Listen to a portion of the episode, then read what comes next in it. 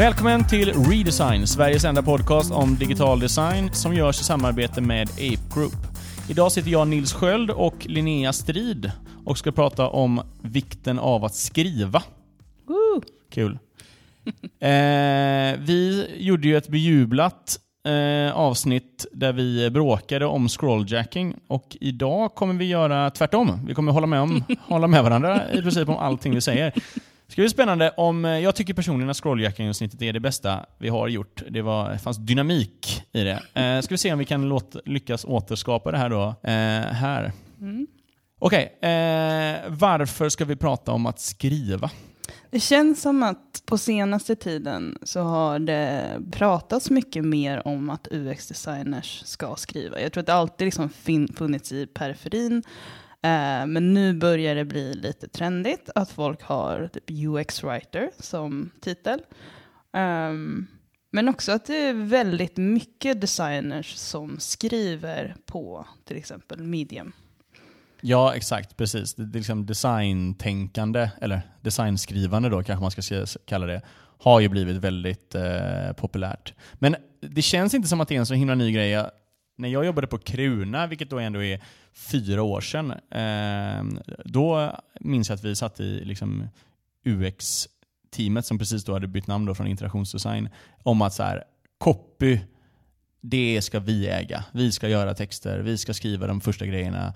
Eh, och det gjorde man ju liksom mycket och många av de här rubrikerna som man skrev i wireframes kom ju vidare till slutgiltig produkt. Liksom. Det var inte alltid så bra. heller. Nej, det var Nej. inte alltid så bra. Men jag menar bara så att jag tror att historiskt sett så har det ändå funnits mycket så här, vet, systemcopy och sånt. Alltså UX har ägt, eh, men det känns som det har liksom Ja, det känns som att det har tagit ännu större kliv och skrivande har blivit väldigt viktigt inom Mm. design. Men det känns också som att här, mm, personligt, min, mitt liksom arbetssätt har börjat bli mycket mer åt att skriva mycket. Um, man skissar kanske lite så här på, på just rena designprojekt där det är så här, ja, men nu, ska, nu ska jag sitta ner och göra wireframes och testa lite olika lösningar. Uh, Men om jag inte håller på med ett sånt projekt så är det ju liksom huvuddelen av mitt jobb är ju att skriva ner en massa saker. Det känns bra, men det är, ju, det, det är en ny utveckling för mig. Ja, eh, och vi ho- hoppas väl att eh, några av lyssnarna också känner att eh, det börjar mer gå mot skrivande. För jag håller med. Liksom. Men ska vi börja bakgrund lite då? Vad, vad har du skrivit och hur mycket skriver du, Linnea? Jag har skrivit, jag har skrivit ganska mycket. Jag alltid, ja, okej, nu, nu går jag emot mig själv, för jag sa precis att jag typ så inte skrev särskilt mycket förut. Eh, Men jag har, faktiskt, jag har skrivit en bok eh, om... Berätta mer. jag har skrivit en bok om matlagning. Det var min, min universitetsexamen. examen. Jag gick eh, generell design. Så skrev jag liksom så här, researchade i ett år. Eh, och så skrev jag och designade och ritade liksom, och så printade jag en bok. Det var liksom min, mitt projekt. Ehm, Går den att köpa? Ja, den finns på i- iBooks. Eh, Ja, då finns det en länk i bion då. ja, exakt. Det var lite shameless self-promotion här. Snyggt. Redan, inte, redan, redan så här tidigt in fick du in det. det var snyggt. fem minuter. Bara, eh, förresten, du kan köpa den här. Eh, ja, då kan ni, ni kan eh, bli den eh, andra köparen, varav den första var min pojkvän. Så att, eh, Den första är hård, svårast, sen så går det alltid sen Sen så går går det- det lätt. sen går det bara uppåt. Jag har aldrig sett några pengar från iTunes, men vi får väl se hur det blir. Nej, men ehm, förutom det så skrev jag, jag skrivit artiklar lite då och då. Ehm, Ja, ska du nämna några? Alltså jag har ju en för ganska länge sedan som är lite roligt. Eh, det är relaterat till den här. Det var en bara som jag skrev själv, eh, inte innan jag började på Ape Group. ehm, som hette Why, UX, eller Why Good UX Designers Need to Be Great Writers. Ehm, så det var, ja okej. Nu- Vad, var, vad kom du fram till då? vad jag kom fram till. Eh, men det var, det var, en- var, den blev inspirerad av att jag öppnade Pages. Och sen så när man gör en uh, kopia i Pages, istället för att säga um, typ close down without saving, så står det delete this copy. Um, och det blir, det blir en helt annan känsla för användaren än om man får close without saving. För det känns, det känns inte lite farligt som, som delete. Man, nu jävlar, nu... stänger du den här så får du aldrig tillbaka den. Det är, det är ganska, jag tycker det är ganska jobbigt egentligen, alltså att de har gjort det valet. För ibland när man gör liksom en kopia av ett dokument och sen så typ hade man ändrat någonting där och så, eh, så kom man på att man inte behövde den där kopian. Eh, då blir man, man blir liksom rädd att man typ ska delita originalet av någon anledning. Eh, men, men där var liksom en av de, en av de instanserna där jag tyckte att eh, hur de valde att göra copyn var så otroligt liksom, viktigt för vad jag kände som en användare. Um, så då skrev jag lite om det. Eh, ja, nej men, eh, jag har ju också skrivit på medium i eh, flera år. Eh, och det är, väl, eh, det är väl du och jag främst som skriver på eh, Ape Groups medium-publikation. Vi har fått competition från eh, techsidan. Ja. Ingen blir gladare än jag om de... det, det är svårare att få läsningar av tech Hur jag byggde ett mäklande lager i ja. CSGO. Nej, men, eh. ja, det, okay, det är en sidoprojekt. Men eh, varför började du eh, skriva mediumartiklar och liknande? Alltså, jag tycker ju oftast att det blir ofta så här att jag, jag har sett någonting eller jag har hört någonting um, som bara väcker en tanke. Och så börjar jag, börjar jag bara liksom skriva ner det någonstans. Um, så det var till exempel, det var en artikel som jag skrev ganska nyligen som hette uh, Product Design and the Asshole Contingency. Som handlade om liksom att man, man måste vara medveten om att användaren inte är perfekt, att de kan göra misstag och att ibland så är de liksom bara jobbiga personer. Um, och det kom ju liksom utifrån att vi satt och typ pratade om ett intranät och då var det att kunden var väldigt angelägen om att eh, typ vdn skulle kunna posta någonting på hemsidan. Um, och då var det typ, tanken var, liksom originaltanken var, ja men okej, men man kanske inte ska låta vdn ha liksom full kontroll över hemsidan. För att om han går in och lägger in ett så här 3000 ords inlägg på intranätet så betyder det att liksom, ja, kanske eh, massor av viktig information inte längre är tillgänglig. Eh, men då började jag liksom bena ut det och typ titta på instanser där liksom andra hade designat för det här med liksom, eh, jobbiga användare. Var så här, började tänka på hela den här Twitter-grejen, att det varit så mycket troll. Eh, Instagram, liksom att de har haft problem med, med det och att de har liksom gjort olika lösningar för det. Och då när man började bena ut det så kändes det verkligen som så här, ja men nu har jag en mycket djupare förståelse för den här tanken och då utvecklar jag på något sätt min egen, eh, typ vad jag gör medvetet i min process då. Att jag börjar tänka på, okej, okay, men nu vet jag att det här är ett problem, jag har analyserat det, hur kan vi åtgärda det? Och liksom så här, bara göra det till en del av min process. Men hur kommer det sig att du då skrev? För att, alltså, nu beskriver du hur du kom på, på nästan ämnet till mm. en artikel och det är ju intressant. Men hur kom det sig liksom att det blev just det här är någonting som jag ska skriva ner? För du hade lika gärna kunnat inte för att jag, göra en presentation och kolla. Eller eh, spela in ett podcastavsnitt. Jag tror att skriva är ett väldigt bra sätt att bena ut ett argument på. Jag tror att då, du går igenom så många processer. Och så, I en, en podcast till exempel, eller en presentation, du har inte lika mycket, um, du, du kollar inte dig själv lika ofta. Utan här så skulle jag bara sitta och skulle jag prata om min idé och så kanske den skulle vara lite halvfärdig och liksom whatever, och sen så skulle vi gå vidare. Och förmodligen skulle jag glömt bort vad jag hade pratat om liksom, efter ett tag.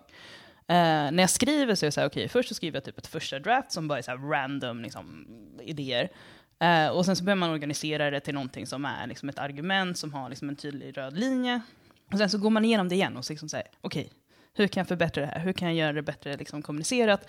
Och sen så i den processen så förstår jag mitt argument bättre. Och det är det som jag tycker är väldigt givande med att skriva. Att det är så här, eh, genom att gå igenom mina liksom, drafts hela tiden, eh, att skicka dem till andra, att få feedback och så, då blir den mycket mer... Eh, det blir en mycket bättre, för det första liksom en mycket bättre artikel, eh, men för det andra också liksom en, en mycket mer utarbetad tanke där jag har eh, solida argument sen framåt ifall jag liksom framför samma punkt till någon annan. Eh, jag kan hålla med. Eh, nej men exakt, jag håller också med. Alltså jag har alltid eh, i mitt arbete och även utanför läst väldigt mycket. Eh, och ehm, Sen tror jag att jag bara läste en artikel som typ hette Write, Design is writing. Eh, och så att- ja, men som handlar om liksom att, eh, för jag är helt övertygad att man blir bättre, mycket bättre på design om man skriver. För Mm. precis som du säger, det är svårt att skriva. Det är svinsvårt att skriva bra. Mm. Men processen för att göra det bra är nästintill identisk med designprocessen. Mm. Du behöver liksom eh, få ut dina eh, tankar först, du behöver strukturera det, du behöver iterera det, du behöver, men framförallt så behöver du göra det är mycket svårare att göra, vara tydlig i text än vad det är när man pratar. För då kan man bara Mm. säga samma sak om och om, och om igen tills någon förstår det. Liksom. Medan i en text så har du ett försök. Eh, och det behöver vara jävligt tydligt. Och du får så jävla... Anled- men anledningen till att jag började liksom skriva artiklar typ, eh, skulle jag säga är egentligen på grund av att medium kom. Mm. För då helt plötsligt fanns det ett verktyg. Sen har jag skrivit bloggar innan på Wordpress och liknande, men då var det mer humoristiska grejer eller eh, eh, reseskildringar. Men just skriva liksom i arbetet började med att eh, ja, mediumbetan fanns ute. Det var snyggt, det var liksom gjort, det var ett verktyg som var gjort för att skriva. Mm. Eh, eh, och liksom, inte som Word och liknande där man kan, en, alltså där man kan editera massa saker, utan här var det bara text rakt upp och ner. Liksom. Mm. Um, men har du, har du testat att skriva um, typ kortare saker? För jag har varit ganska aktiv på Quora uh, och liknande. Ja. Um, men jag, har väl, jag har väl en problem med att hålla mig kortfattad. Så jag är väl inte så jätteförtjust i att skriva. Det, kan, alltså det blir ju ibland så om man typ så här är inne på något forum eller någonting. Um, att man läser någonting och så blir man liksom enraged och bara ska, ska svara på det. Um, det är oftast, oftast scenariot. Nu har jag slutat göra det för att jag har insett att bli irriterad över liksom, folk som inte känner inte är särskilt produktivt. Uh, men, men jag tycker liksom, jag håller ju med om att medium var en av, en av anledningarna till att jag började skriva. Och det var också när den kom ut i början eh, så fanns det en helt annan liksom, eh, process för att göra sig känd som författare. Eller liksom att, att sprida sina, liksom, det man skrev. Eh, för då fanns det liksom så här, ja, men då fanns det open submission till, ehm, till pub, vad heter de? Liksom. Publikationer? Publikationer, Nej, ja. Jo, jag tror det. Publications heter de. Eh, och då kunde du bara skicka in, liksom, så här, du skrev, jag skrev en artikel, jag skickade in den till eh, typ UX eh, och design. Och då liksom kunde jag som någon som inte hade en massa följare på Twitter eller som inte var jättekänd liksom, online på något sätt, um, bara få ut den någonstans där den kunde bli sedd och då fick man väldigt mycket bra liksom, feedback tillbaka, man fick liksom, folk läsa den. Um, och det är väldigt belönande på något sätt att ha det utbytet. Att det inte känns att jag bara skriver in i liksom en, ett vakuum och sen så är det ingen som kommer läsa den. Um, Nej, exakt. Och, och det är, eh, jag kan faktiskt rekommendera Quora med, för att skriva kort är också jävligt svårt. Eh, mycket svårare. Eh, men där får man också så här enorm, liksom, eh, det är ju typ 100 miljoner indier som använder Quora. Så du får ju liksom så sin... Men eh, så var det för mig med. Jag skrev en första artikel och sen så du vet, var det 20 000 som läste och man fick jättemycket feedback. Och, och eh, det var en jävla rush liksom. Och sen så eh, hoppades man att man kunde återskapa det där. Så fick man 200 läsare på artikel på andra, då bara fan, vad är det här för... Men samtidigt så säger jag, jag har ju gjort ett beslut om att inte skriva saker bara för att. utan Jag skriver dem ju främst för mig själv. Eh, och sen så vill jag dela dem. Alltså så här, om det är någonting som jag tycker är bra så vill jag dela det. Om jag inte tycker det är bra så kommer jag inte publicera det. Ehm, så det är väl... eh, Man, man blir lätt lockad till att vara så här, men fan ska jag inte göra den här lite mer clickbaitig liksom. Eh, men eh, ja, det är en så här fin linje där mellan att bli, bara, skriva för, för att få views. Det blir, det blir som rush, man blir så här, oh, sitter där och så här, tittar på ticken när den går upp, bara, ding, ding, ding, ding, 9000 läsare, bara, yeah! Ehm, men egentligen, det är, ja, det är lite absurt att man bryr sig så mycket om det. Ja, men det, det, det ska man göra. Eh, Okej, i jobbet då? Eh, hur skriver du där? Det är väl väldigt mycket presentationer. Eh, och sen är det väldigt mycket mail. Och det kan jag säga, eh, jag tror att jag kan vara jag skriver för långa mail, det vet jag. Eh, jag så här, för när folk frågar mig om någonting, eh, då känner jag oftast att jag måste så här, underbygga mitt argument med någonting. Liksom, så här. För det finns ju oftast väldigt mycket bakom. Någon frågar typ så här, ah, men varför har ni lagt den här knappen här? Eh, då säger jag så här, ja, men först så testade vi det här och sen så liksom de här considerations, eh, därför rekommenderar vi att knappen är där. Medan egentligen skulle man bara kunna säga, ja men vi, vi rekommenderar att den är där på grund av typ något. Nej, men jag håller med. Jag, jag skriver ganska korta mejl nu för tiden, men jag har ju ett, en uh, historia av uh, noveller uh, mejlledes. Det som är lite tråkigt med att skriva väldigt långa mejl är att väldigt många inte läser dem. Mm. Så då sitter du länge och väl och sen så um, på grund av att du har suttit så länge och väl så är det på liksom ingen utväxling med det. Men Eh, Okej, okay, så då skriver du ungefär liksom samma när det kommer till presentationer och när det kommer till mail? Nej, jag skriver väldigt annorlunda när jag skriver presentationer. Det hur blir... skriver du för en presentation? Men på presentation så tänker jag oftast på så här, hur kan jag... Jag har liksom ofta meningar som är inte... Det, man kan liksom skriva rubriker på ett helt annat sätt. Eh, som inte är kopplade till undertexten till exempel. Att man skriver, istället för att skriva liksom, om den här grejen så kanske man skriver liksom så här, ja men det här måste hända, bla bla bla. Eller liksom så här, man skriver typ, nu gör vi en pitch om någonting och då, då är liksom en rubrik, eh, där är undrar om det här kan andas. Eh, och det är liksom är förståeligt i kontexten. Men jag skulle aldrig skriva det som liksom en rubrik i ett mejl, utan då skulle jag behöva vara lite mer beskrivande. Eh, men jag tycker i, i, en, eh, i en presentation så kan man oftast använda lite mer, eh, lite mer liksom intressant språk. Man kan, bara, man kan säga någonting i en mer talspråkig, liksom på ett mer talspråkigt sätt. Um, och och liksom lista i punkter istället för att skriva liksom hela meningar. Uh, göra mer liksom frågeställningar som är liksom öppna frågeställningar och så. Uh, än man kan göra i mail. Där känner jag mer att jag ska liksom få ut ett argument eller liksom få ut en poäng i mail. Medan i keynotes så kan det vara så här, lite mer att man bygger upp stämningen och sen så kanske man liksom gör en poäng och så kanske man visar någonting och så. Ja, eh, jag, eh, jag gör enormt mycket prestationer, eh, keynote-prestationer. Och det är, antingen är det ja, pitch-prestationer och liknande, men oftast är det liksom koncept. Mm. Eh, och jag har, det har jag sagt i tidigare avsnitt, men jag har, eh, innan så gjorde jag liksom, gjorde det i Keynote. Jag mm. gjorde liksom eh, arbetet i Keynote. Jag satt och skrev punkter och sånt och sen skrev jag ofta liksom texter i, eh, alltså i den här eh, vad heter det, presenter notes. Mm. Eh, nu använder jag nästan uteslutande Dropbox paper eh, och skriver manus egentligen mm. till presentationerna. och jag skriver konceptet som en artikel. Eh, där jag har liksom, eh, ja, där kapitel 1 är användaren och mm. kapitel 2 är mål. Eh, och det, är, det tar lite längre tid, men sen så lyfter jag ut egentligen då nyckelord. Mm. Eh, ungefär som när, när på, um, ja, men på, i tidningar och sånt så har de lyft upp lite, ut, lite viktiga meningar ur artiklar mm. och så håller som quotes. Typ så behandlar jag keynote nu. Liksom. Att man, man lyfter ut en grej. Man, har, man hittar en bild, hur ska det här experimentet eh, visas? Och sen så hittar man ett eller två liksom, meningar utifrån det man vill ha sagt.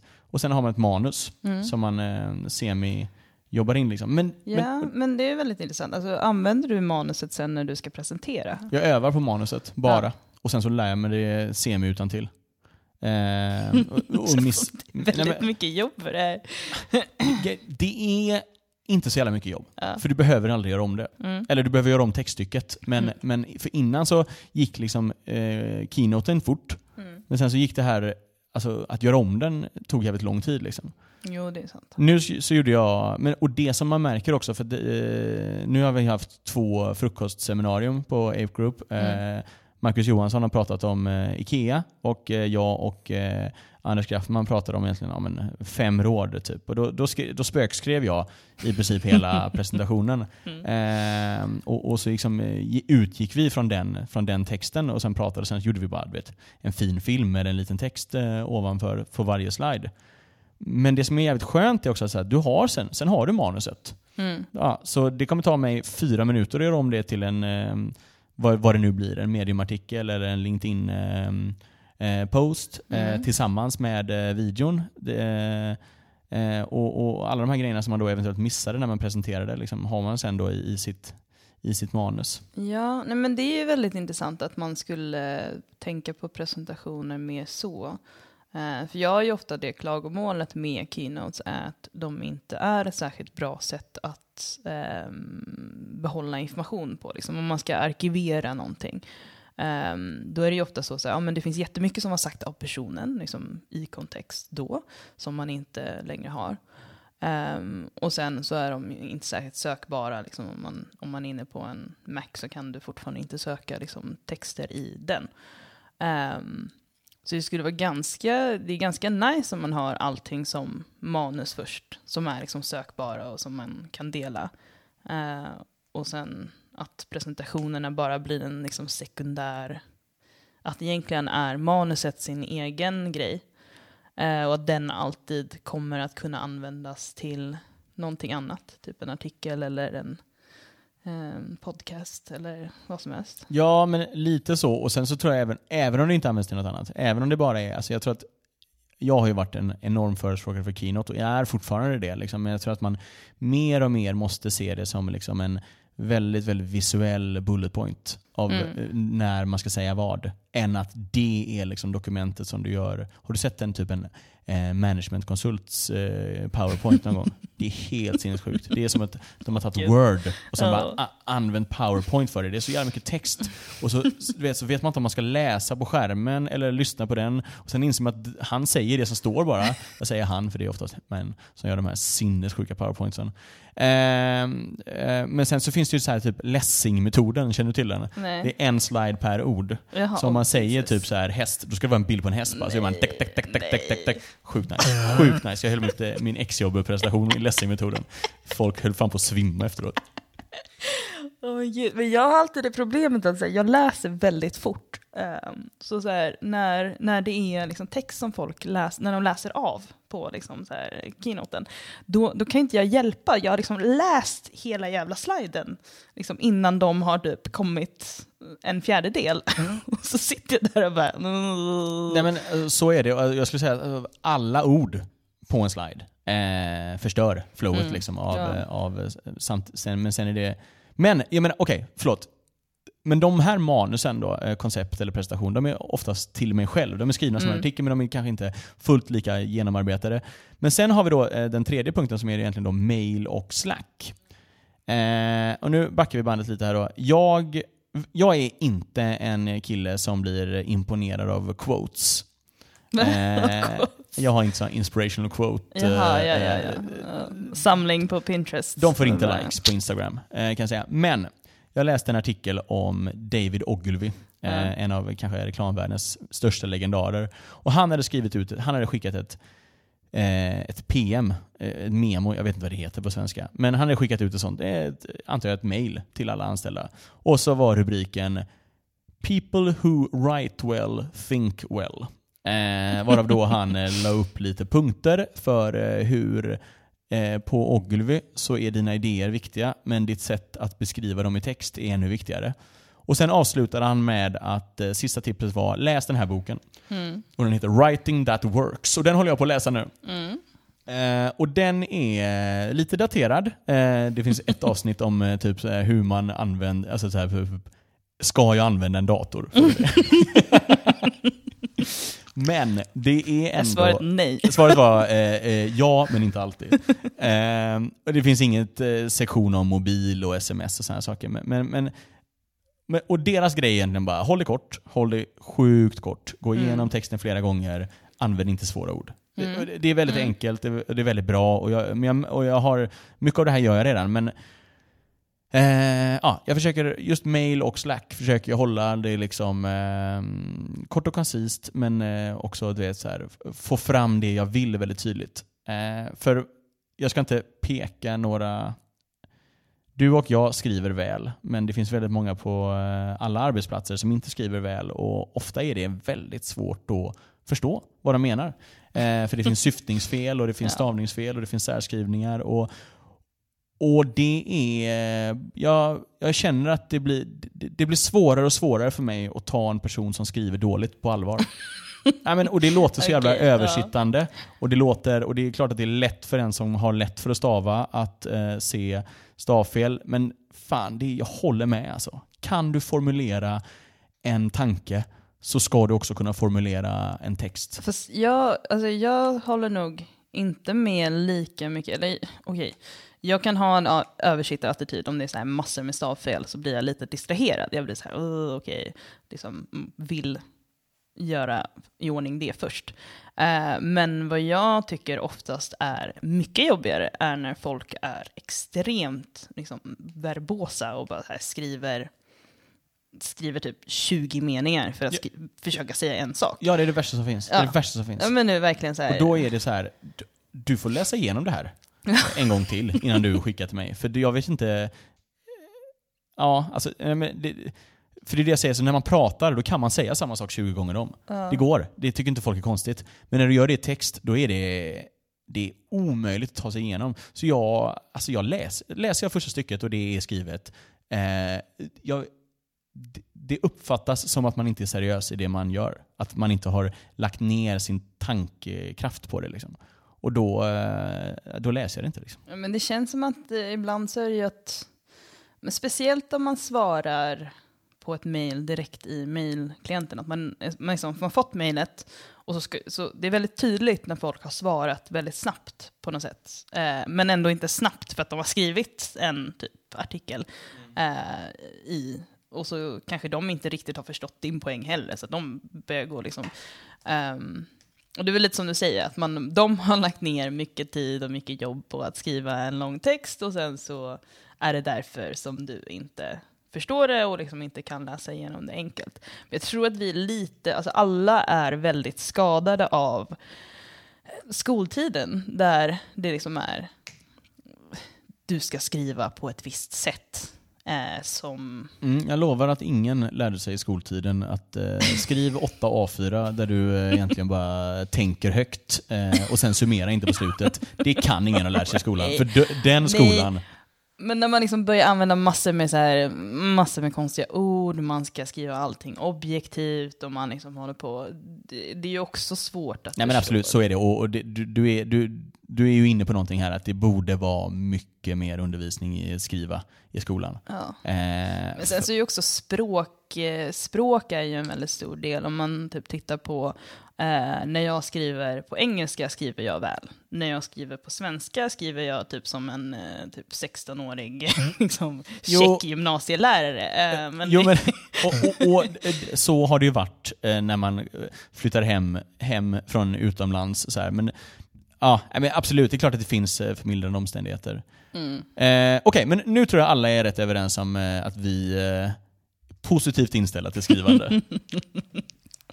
Jaha, vad ska vi prata om nu? ja, men nu kan vi väl prata lite mer om, eh, om vi går ner lite mer på kanske detalj i eh, vårt arbete. Mm. Eh, user experience is writing. Eh, vi har ju pratat om eh, manus, och, eh, men om vi pratar om lite andra, alltså rena texter. Typ, eh, hur viktigt tycker du det är med typ briefer, debriefer, retrospektiv? Sådana liksom, eh, där man liksom summerar ihop något. Jag tror, att, jag tror att briefer är extremt viktig och jag tror där är det viktigaste att man har struktur. Eh, men vi har ju, eller vi har inofficiellt en mall för creative briefs som typ du slängde in i någon Dropbox någon gång. Ja, som jag har fått, som jag har snott rakt av från Spotify. Ja, och, och så typ helt plötsligt börjar jag få en massa briefer i den mallen. Så jävla fint. Så jävla bra. jag säga, vad fan är det här för Men du har också märkt att folk frångår mallen. Nej, jag vill inte Ja, skriva principer. exakt. Här skriver jag något annat Jag istället. skriver bara fyra punkter om så här helt random. Ehm, ja. Eh, nej men den är ju väldigt bra. Jag tycker om, den, jag tycker om struktur. Jag är en, en, en väldigt känd strukturnazi i typ allt. Det är en bra egenskap för en UX-designer skulle jag Ja. säga. Men eh, vad heter det? Ja men speciellt i briefer eh, är det liksom så här, okej, skriv allting som jag behöver veta och skriv ingenting mer. Det är det. Det är så här, eh, Ibland så skriver man alldeles för mycket och då är det jättesvårt att veta. Oftast skriver man alldeles för mycket. Ja, och då är det så här, jag har ingen aning om vad det är frågan om. Eller liksom så här, du, du har skopat det här alldeles för brett, vi kommer inte kunna liksom leverera någonting som är eh, som funkar för det här. Eller liksom, det är det man behöver en debrief till. Du måste liksom säga, okej, okay, det, här, det här är vad jag förstod av din alldeles för komplicerade, alldeles för långa eh, brief. Och så har jag liksom bara poängterat ner det i bullets. Och bara, ja, det här är, det här är vad jag förstod, är det, är det rätt? I, inte det lite sjukt egentligen? Att vi, att vi sitter och liksom översätter briefer. Jag tycker att, alltså, att skriva briefer är skitsvårt. Ja. Och att, att förvänta, alltså vi har ju eh, folk som skriver mycket briefer på vårt kontor. Vi har ju inte som på reklambyråer där liksom folk är anställda för att bara skriva briefer. Men mm. det görs ändå liksom på en ganska eh, regelrätt basis. Det händer ju ofta att kunder skriver briefer. Mm. Eller att det inte skrivs någon brief överhuvudtaget. Så då tycker jag att debriefs är jag tycker att liksom vi, man har räddat sitt eget skinn väldigt många gånger genom att liksom, typ efter ett möte där det har mm. bestämts massa, ja. säga så här, vi har bestämt detta och vi har tolkat de här grejerna så här. Mm. Eh, för då på något sätt så, ja, men, man sätter ner, jag tror alla har, eh, under ett samtal och sånt, så har alla lite olika bild av vad faktiskt det var som sades. Och sen när man mm. får ner det på text, liksom, så får man det ju, eh, det blir mycket tydligare. Och det märker jag med, med eh, retrospektiv. Mm. Är ju, jag har ju varit på retrospektiv där man bara har mötet. Och sen tänker man, ah, vad skönt. Och sen så nästa projekt så är alla problemen kvarstår. Och så bara, vad fan, vi hade ju ett retrospektiv om det här. Liksom.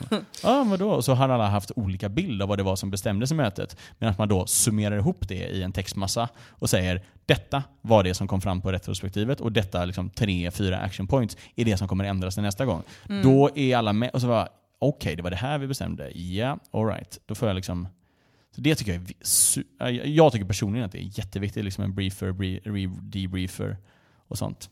Ja men att man har, jag tror att det är ju väldigt bra om man, om man, har, om man är osäker om en punkt eller om man liksom säger man har uppfattat någonting på ett visst sätt och sen så har någon annan uppfattat det på ett annat sätt.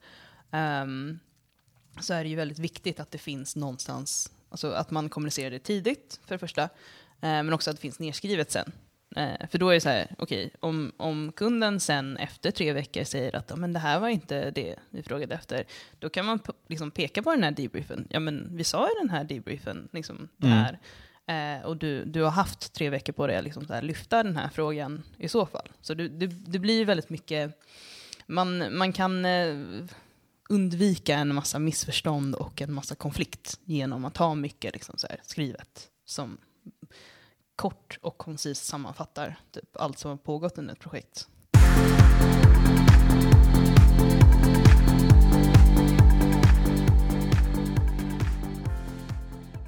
Systemcopy.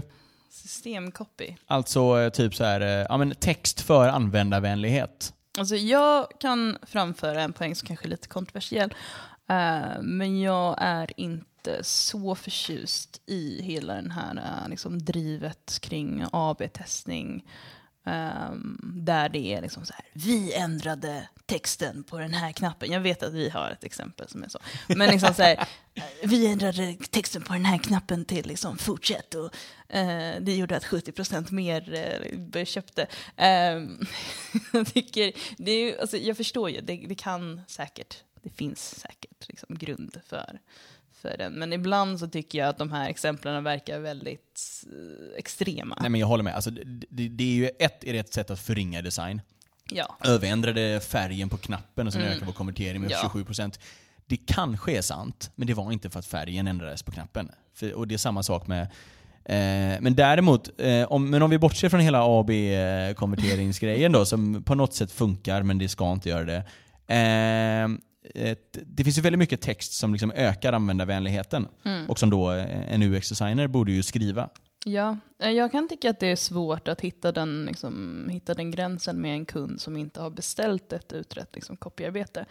Uh, speciellt när det är en produkt. Och där är det nästan liksom, man kanske borde säga att design alltid ska äga all copy för en produkt. Eller i alla fall ha liksom en kvalitetssäkrande roll i det.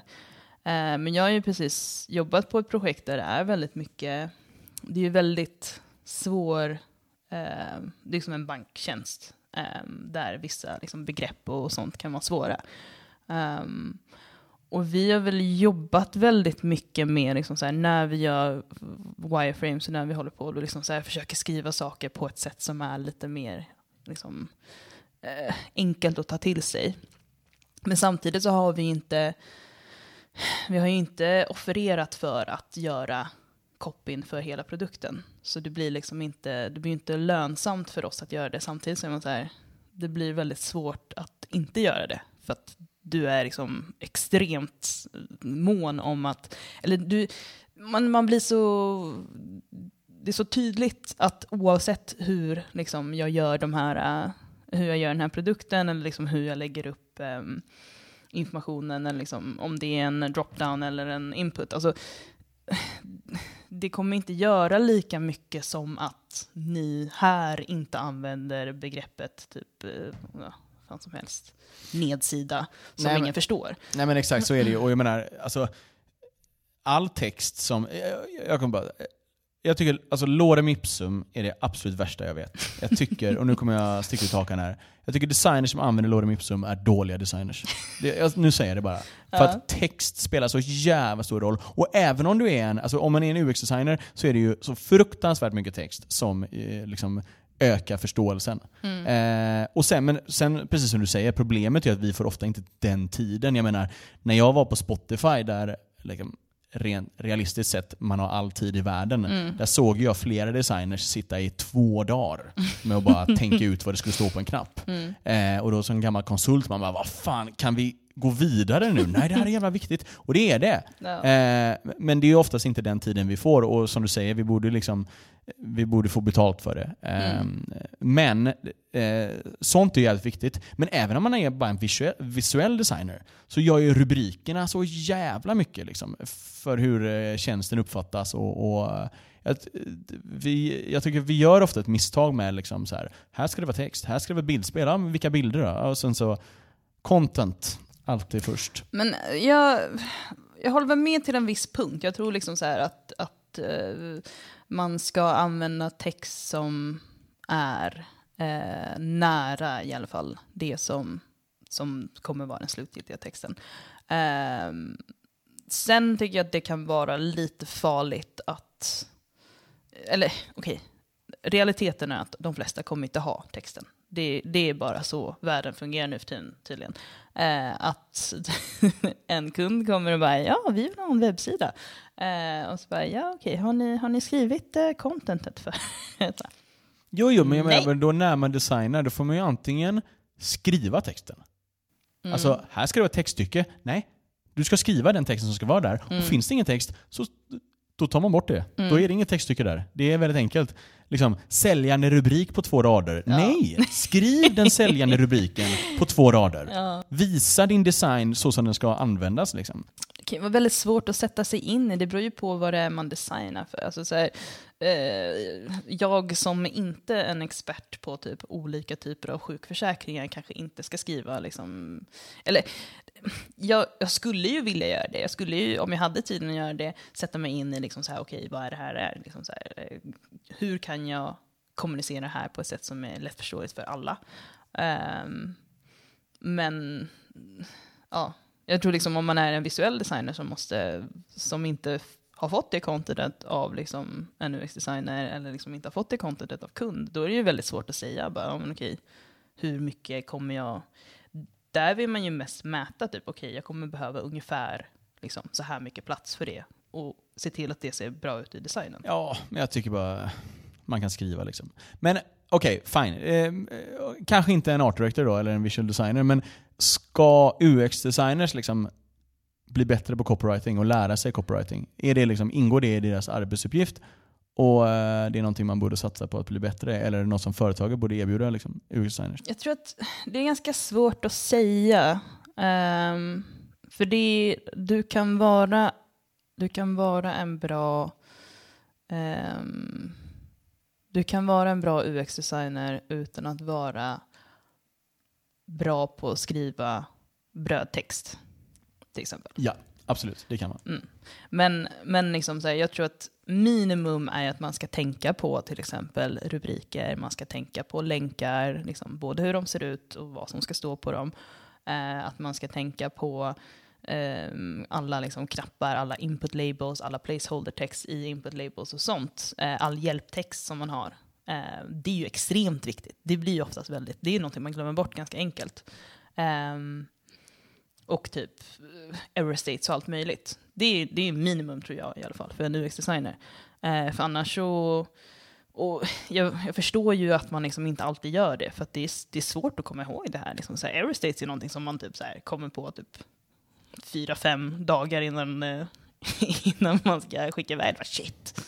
Ja, eller så låter man utvecklarna skriva dem och så kommer det liksom en databaskod som ingen förstår. Men, Error 500, man bara okej, okay, ja ja, nej men exakt. Och det, eh, men det är väl också en del, om man tittar på det, vi måste ha en process för att, för att kunna göra det på ett bra sätt. Alltså man måste kunna ha, eh, hur gör man det bäst? Eh, hur kan man kommunicera det bäst sen till utvecklaren till exempel?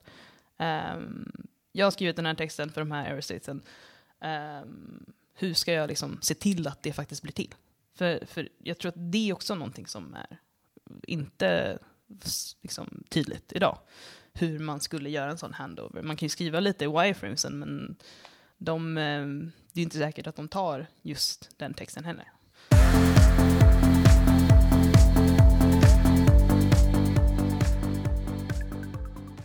Nu ska vi gå över till nästa punkt som handlar om eh, the rise of the UX writer.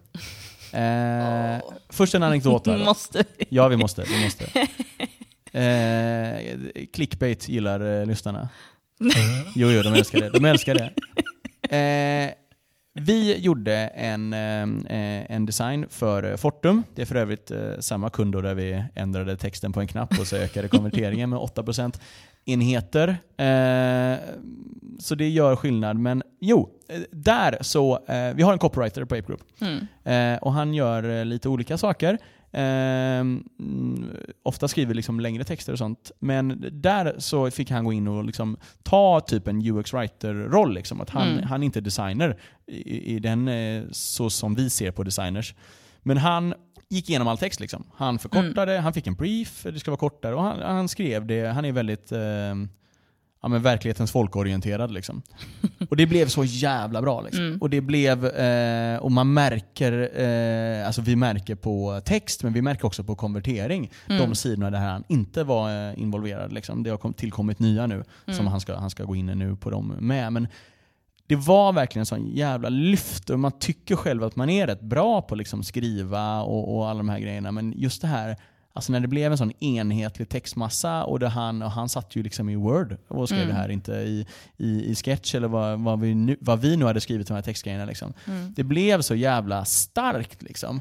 Eh, och den absolut hetaste titeln 2017 i Silicon Valley är ju UX Writer. Mm. Som jag har förstått är copywriters mm. som har liksom gått mot UX-hållet.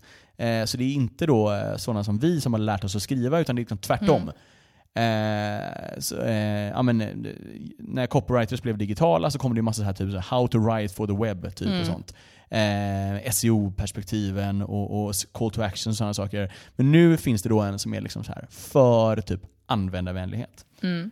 Eh, och det kanske, första frågan är så här, är det här en Silicon Valley-grej?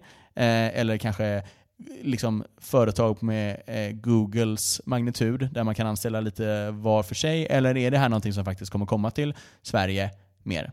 Kommer Ape Group ha en eh, UX-writer? har vi inte redan en UX-writer? Det har vi. Det ja, har vi. Exakt. Nej, men, eh, jag tror vi, inte han vi kan själv... bara ändra hans titel till UX-writer så blir det bra. Ja, men jag har men, tagit upp det här faktiskt redan, han är inte så sugen på det. Jag tycker ju, jag tycker ju att, eh, alltså, så här, trendiga titlar aside, um, en copywriter har en helt annan liksom, set of skills än vi har. Um, och det, det kombinerat med liksom, att arbeta tillsammans med oss är extremt starkt. Och det, det, tycker jag är någonting som vi borde liksom bli bättre på, bli bättre på att sälja in från början, liksom att vi ska jobba med content från dag ett. Eh, för jag tror att det informerar väldigt mycket hur man designar. Till exempel så här, om du har lumpat ihop vissa grejer i ett steg och sen så finns det inget ord för att beskriva det steget till exempel. Eh, då kanske inte det steget är särskilt bra. Utan då kanske du ska ändra det redan på liksom wireframe-nivå och inte inse det liksom sen och så får copyrighten sitta och lida för att han ska komma på ett samlingsord för typ tre helt orelaterade saker.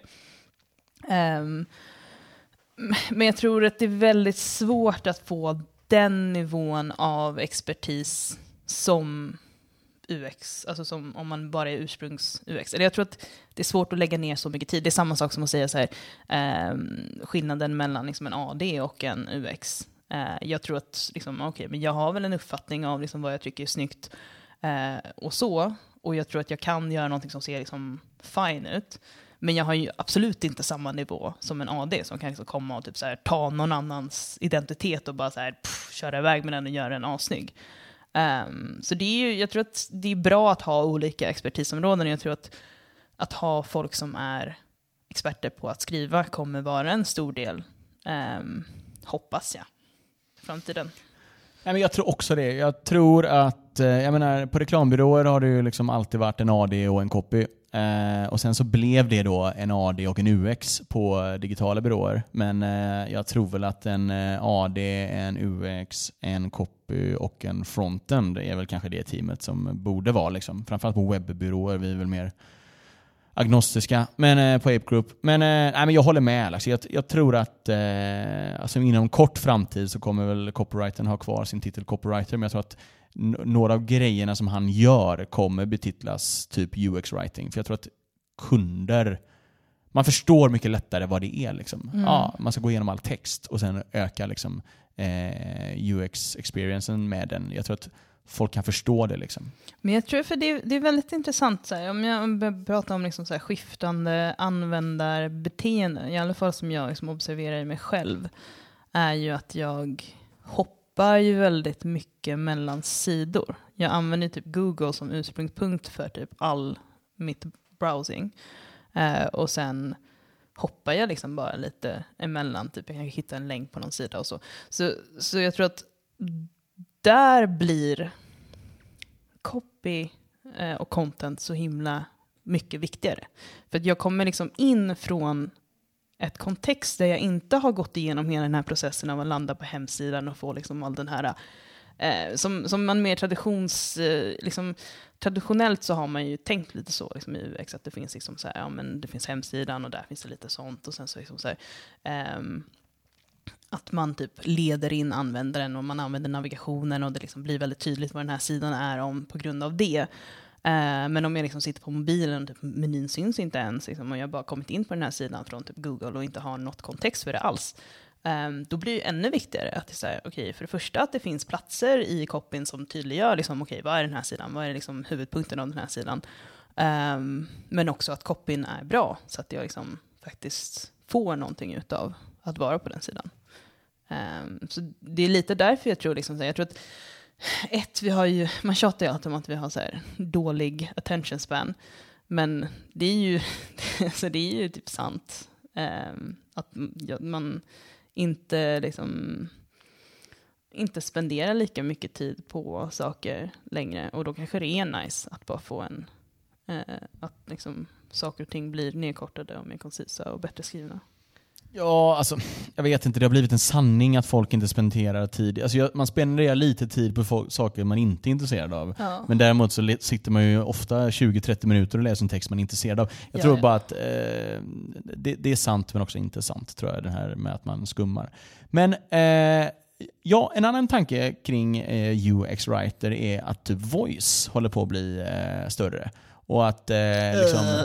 skriva manus med, eh, nej, men skriva typ manus för voiceovers och skriva liksom så här, alltså personligheten i tal är ju mm. någonting man absolut inte kan. Ja, men vi sitter med en, en prototyp, jag säger vi, du sitter med en prototyp eh, här då, som, är, som är utifrån ett voice hackathon och då, där är ju den här copyrighten med. Och mm. ha, alltså, ha, det han bidrar med är ju typ så här en personlighet mm. till, eh, som, eh, nu har jag bara sett liksom tidigare grejer, men det känns som sån jävla liksom, tillgång.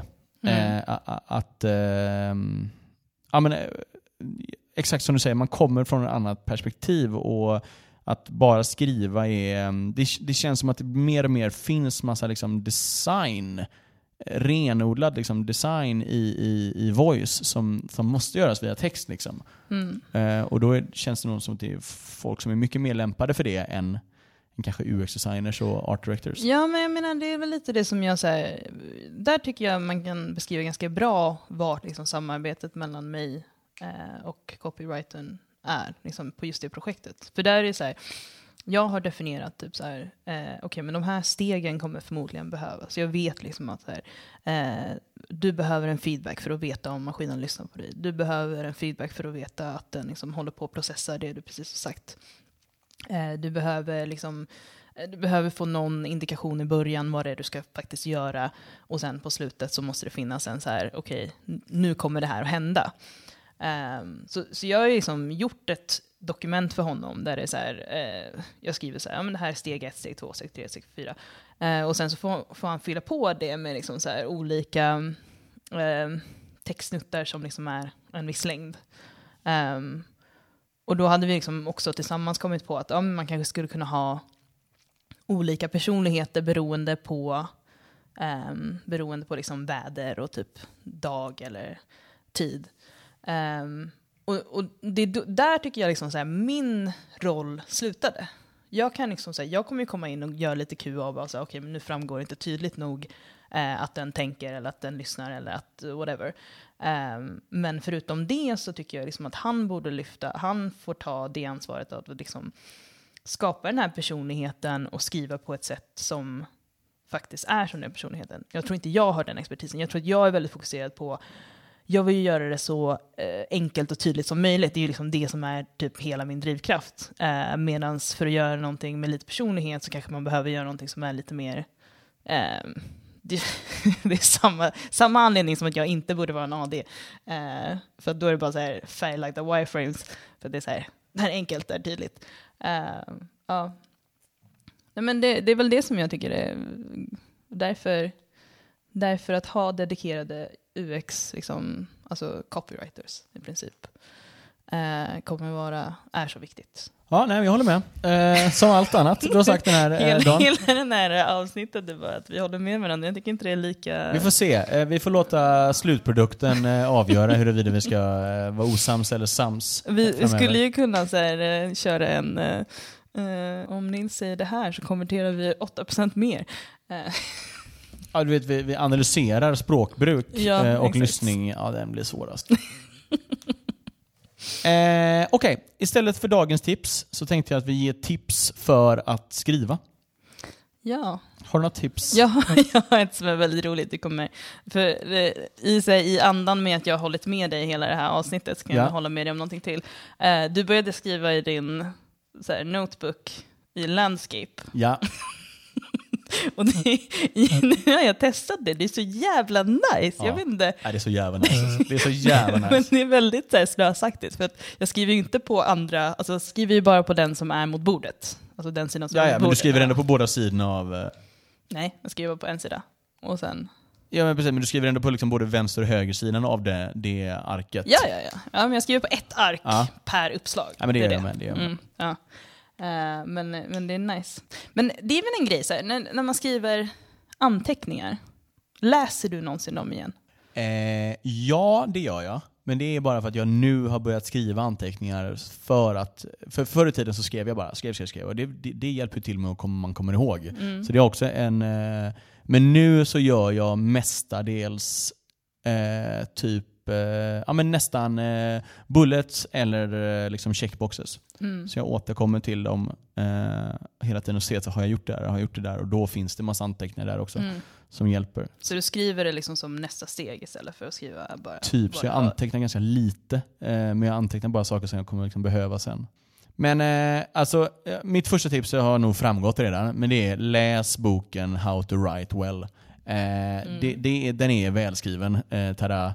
Eh, och, och, även om du är duktig på att skriva, eh, vilket jag får nog säga att jag är, liksom, man märker massa sätt som gör Alltså, du märker vad som är dåligt i skrift. För mm. Det är inte helt lätt att, att, märka när det kommer en skrift och så är du liksom utmattad efteråt. Eh, eller du har fattat inte och du måste gå fram. Och liksom så här. Den här ger dig också eh, ja, men den här ger dig verktygen för att kunna decifrera liksom, vad som är dåligt i en text. Liksom. Mm. Och, och eh, på sikt då kanske liksom, eh, ställa de rätta frågorna för att kunna få, få de svaren man behöver.